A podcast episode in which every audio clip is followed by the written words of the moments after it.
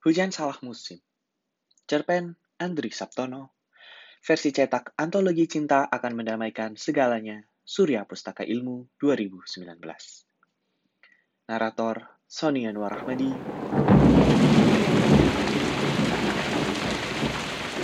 Hujan tak berhenti turun sejak semalam. Hujan yang datang di awal bulan Juni alias Udan Salah Mongso yang menandai permulaan musim kemarau. Genangan air di halaman makin meninggi. Alamat mungkin selokan di depan rumah meluap. Namun yang merisaukanku bukan tentang kemungkinan banjir di komplek perumahan jika hujan deras seperti ini. Adalah rasa dingin dan senyap yang dikirimkan oleh hujan.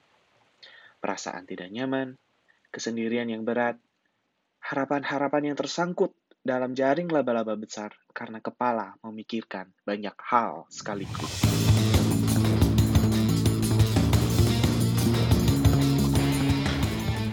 Aku tak berencana untuk mengakhiri kenestapan ini.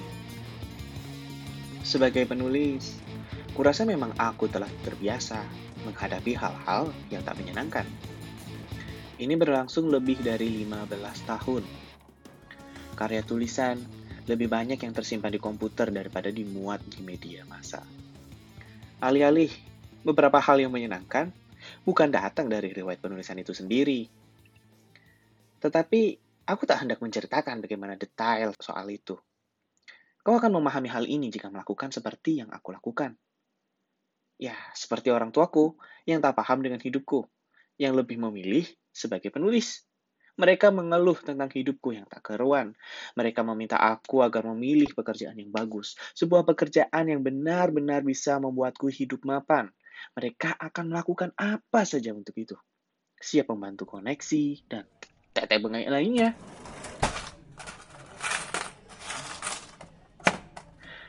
Namun, sebenarnya mereka sedang membuat tembok yang tinggi denganku. Sebuah hal kesia-siaan yang tak menyenangkan. Jadi inilah kesepian yang bertambah dibawa oleh hujan, membasahi hatiku. Menenggelamkanku dalam kerisauan yang kejam. Terkadang, rokok dan minuman yang masuk ke dalam lambungku. Seakan hanya sebuah pelarian sekilas hampa dan tak bermakna. Toh ia tak akan merubah apa pun. Atau taruhlah orang tak seharusnya bergantung pada dua hal ini. Rokok dan minuman. Baiklah. Sambil berdiri di depan jendela ini, aku mulai merangkai anganku.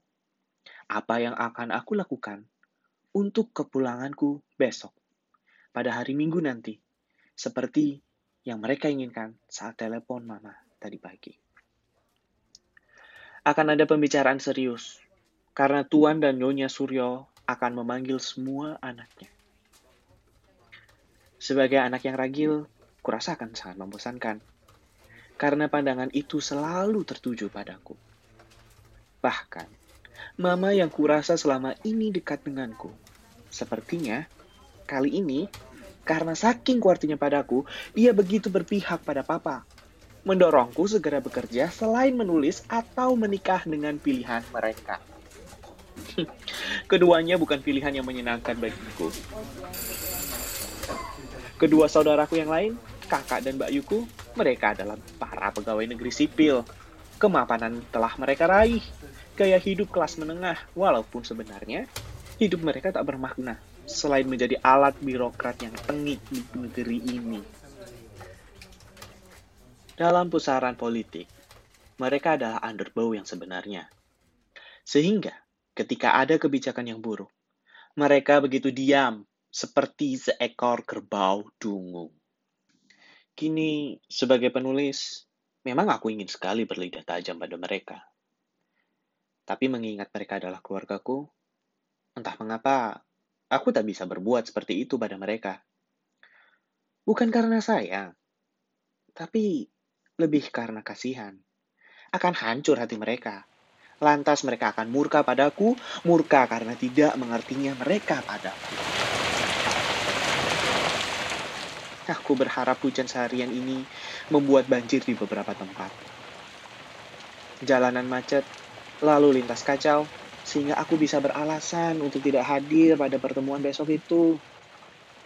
Begitupun aku masih sangsi Apakah aku akan bisa tidur nyenyak malam ini?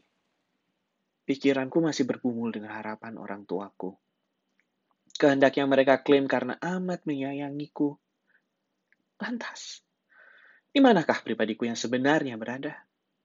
Seakan aku harus menjalani hal-hal kepura-puraan di depan mereka.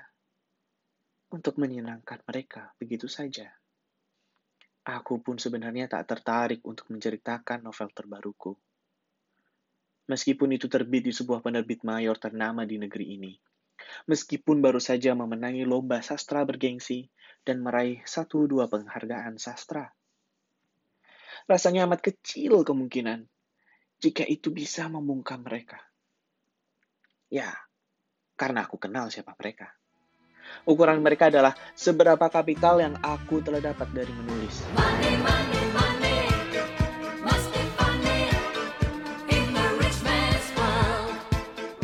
Tetapi tak ada pilihan lain. Aku akan pulang besok. Aku telah mempersiapkan semuanya dengan membawa novelku ini. Semoga saja mata jiwa mereka akan terbuka sebenar-benarnya dan akan kukatakan dengan sebenar-benarnya, agar mereka berhenti mengejar-ngejarku mengenai hidupku sendiri.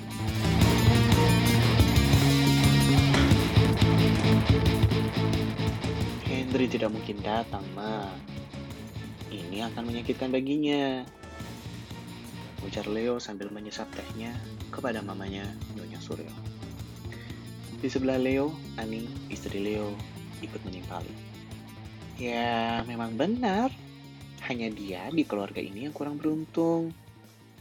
Semoga Allah memaafkan dia.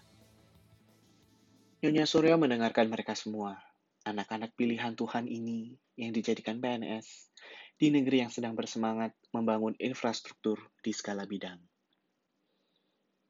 Mereka berbeda dengan Henry yang memilih jalan menjadi penulis. Hingga selama karirnya 15 tahun ini, belum juga ia pulang dengan mengendarai mobil. Nasib malang penulis yang lebih giat mengkritisi pembusukan di negerinya ini karena korupsi. Mama dan papa juga tak kurang upaya. Papamu sudah mendesak Henry berkali-kali untuk ikut dalam proyek. Tetapi anak itu bersikeras tidak ikut. Nyonya Suryo berkata. Henry melihat kebaikan papa dengan mata berkabut, Ma. Anak itu harus diruat agar kabutnya menghalangi keberuntungannya hilang. Ani juga punya teman yang bisa meruatnya, Ma. Biayanya tidak mahal. Sekali ruat hanya 15 juta, include dengan anggap wayang. Ya, uang 15 juta apa artinya jika kemudian Henry akan bernasib lebih bahagia? Tuhan pasti akan melihat usaha kita ini dan menggantinya yang lebih banyak. Perempuan itu menghela nafas. Ingatannya kepada Henry, anaknya yang ragil, yang suka menghabiskan uang jajannya untuk buku. Sementara itu, di selasar, pinggir kolam renang, Tuan Suryo dan anak perempuannya dan menantu lelakinya sedang mengobrolkan politik. Tetapi kemudian mereka bosan dan menggantinya dengan obrolan piknik. Nyonya Suryo amat bersemangat ingin ikut tayangan My Trip, My Adventure. Apa kalian tahu caranya agar bisa ikut ke sana? Berapa papa harus membayar? Kurang tahu soal itu, Pak, kata menantu lelakinya. Tapi kalau mau menarik, Aldo ada koneksi travel umroh. Biayanya cuma 22 juta. Tapi papa nanti akan bisa wisata religi di Arab Saudi. Papa belum pernah ke sana kan? Ya, lumayan nyicipi dulu ke Tanah Suci sebelum nanti pergi haji tahun depan. Ide menarik tuh. Oke, tolong nanti kamu uruskan ya. Papa sudah ada paspor juga. Siap. Kalau kamu, Tantri, mau wisata ke mana? Ini kan lagi musim update itinerary wisata postingan kamu di medsos. Jualan gamis melulu sih. Tuan Suryo tertawa. iya, Pap. Tang Tri memang jarang piknik. Soalnya nggak mau melewatkan kemarin, Harbolnas, hari belanja online nasional itu. Untuk sekarang, Tantri harus menggenjot penjualan di toko Tantri. Habis 500 juta kemarin. Oh gitu. Ya benar. Sains dagang kamu memang mengejutkan daripada anak-anak bapak yang lain. Tapi itu sangat cerdas sekali di zaman ini. Istri siapa dulu dong, Pap? Aldo tertawa. Tentu, tentu. Kalian memang pasangan serasi. Eh, Pap, benar ini Henry mau datang ke acara ini? Tantri bertanya. Kalau dia masih merasa bagian dari keluarga ini, dia pasti datang. Kasihan dia. Sejak kecil, dia memang senang menyibukkan diri dengan perkara-perkara tidak penting. Amat berlainan dengan Aldo. Kemarin sih, Tantri lihat Henry posting novel terbarunya. Novel apa? Aldo bertanya. Kurang tahu juga. Judulnya agak asing begitu. Hmm, judulnya Mandala kalau tidak salah. Hah. Henry sulit sekali diajak terjun ke bisnis. Anak itu memang tidak paham bagaimana dia harus hidup. Dikasih uang tidak mau. Artinya dia sudah tidak tertarik lagi dengan namanya hidup bahagia. Tuan Suryo mengeluh. Ya, semoga saja dia dapat jodoh kaya raya, Pak. Ujar Aldo tertawa. Dengan begitu, persoalan akan terselesaikan. Hmm. Apa ada yang mau nikah sama Kiri di zaman sekarang? Hanya orang ego saja yang mau melakukannya. Kemudian, mereka masuk ke dalam ruangan, bergabung dengan yang lain. Mereka menunggu Hendry untuk acara gathering keluarga ini. Makanan telah disajikan pembantu, musik diputar dari sebuah piringan hitam. Tertawa-tertawa amat bahagia keluarga besar Surya Supeno itu. Namun Hendry masih saja belum muncul batang hidup.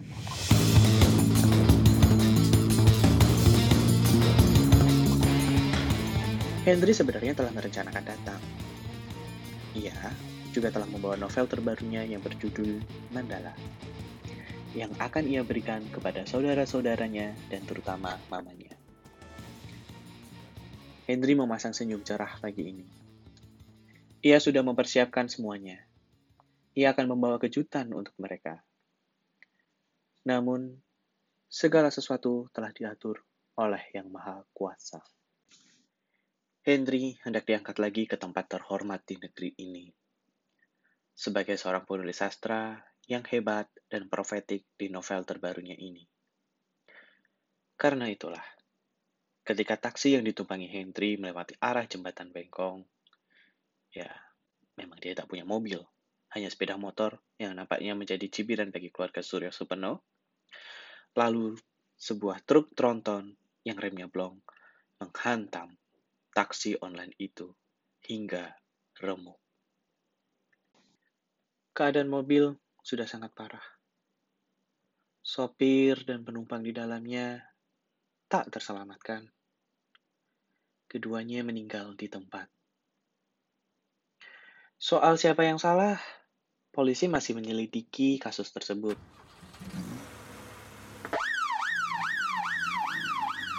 Namun, berita duka itu telah muncul di media online dengan sangat cepat. Hanya sekian menit kecelakaan itu, media online secara beruntun telah membuat percepatan yang luar biasa. Macam-macam headline mereka. Novelis Mandala yang luar biasa meninggal dalam kecelakaan di jalan raya. Penulis hebat abad ini telah berpulang. Telah dinubuatkan di dalam novelnya sendiri. Kematian misterius novelis muda di bulan Juni ini. Kematian yang telah menghentikan jalan kepengarangan novelis terkenal di Indonesia. Dan berbagai macam judul yang membuat semua penggemar novel Henry makin terisak-isak dengan berita duka itu. Sedikit berbeda, keluarga Surya Supeno yang mendapat protes dari WhatsApp, nampaknya keluarga Surya Supeno itu tidak sempat menangis dengan berita kematian Henry. Lebih terkejut karena begitu banyak media yang memberitakannya. Mereka kini sibuk dengan gadget dan menimpali berbagai cuitan di medsos atau pemberitaan di media massa. Bahkan, seakan mereka lupa kalau seharusnya mereka segera menjemput jasad Henry yang membengkuk di ruang jenazah.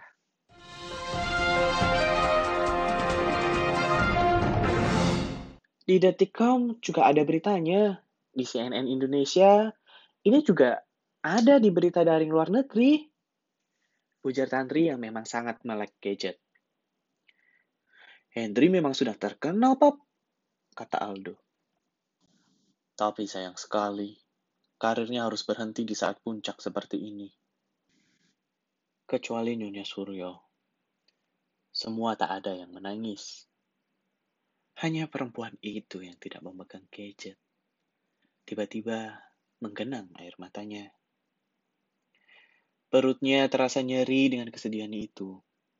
Henry, anaknya yang sebenarnya amat disayang dan dirindunya daripada anak yang lainnya. Anak yang selalu terbayang di pelupuk matanya.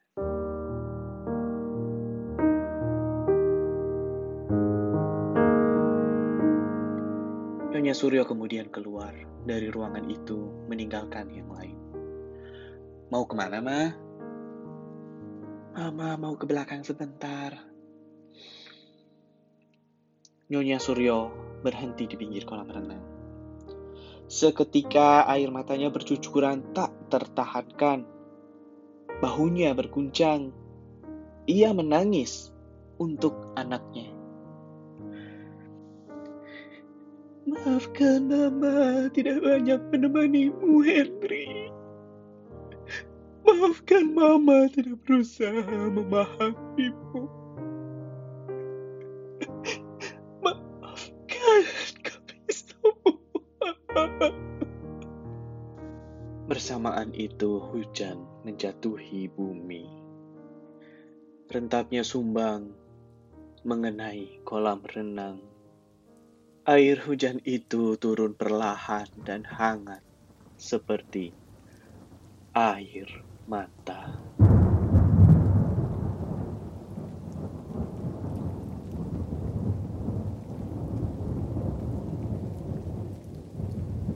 Sastra suara ini hasil kerjasama divalitera.org dan Tokopedia.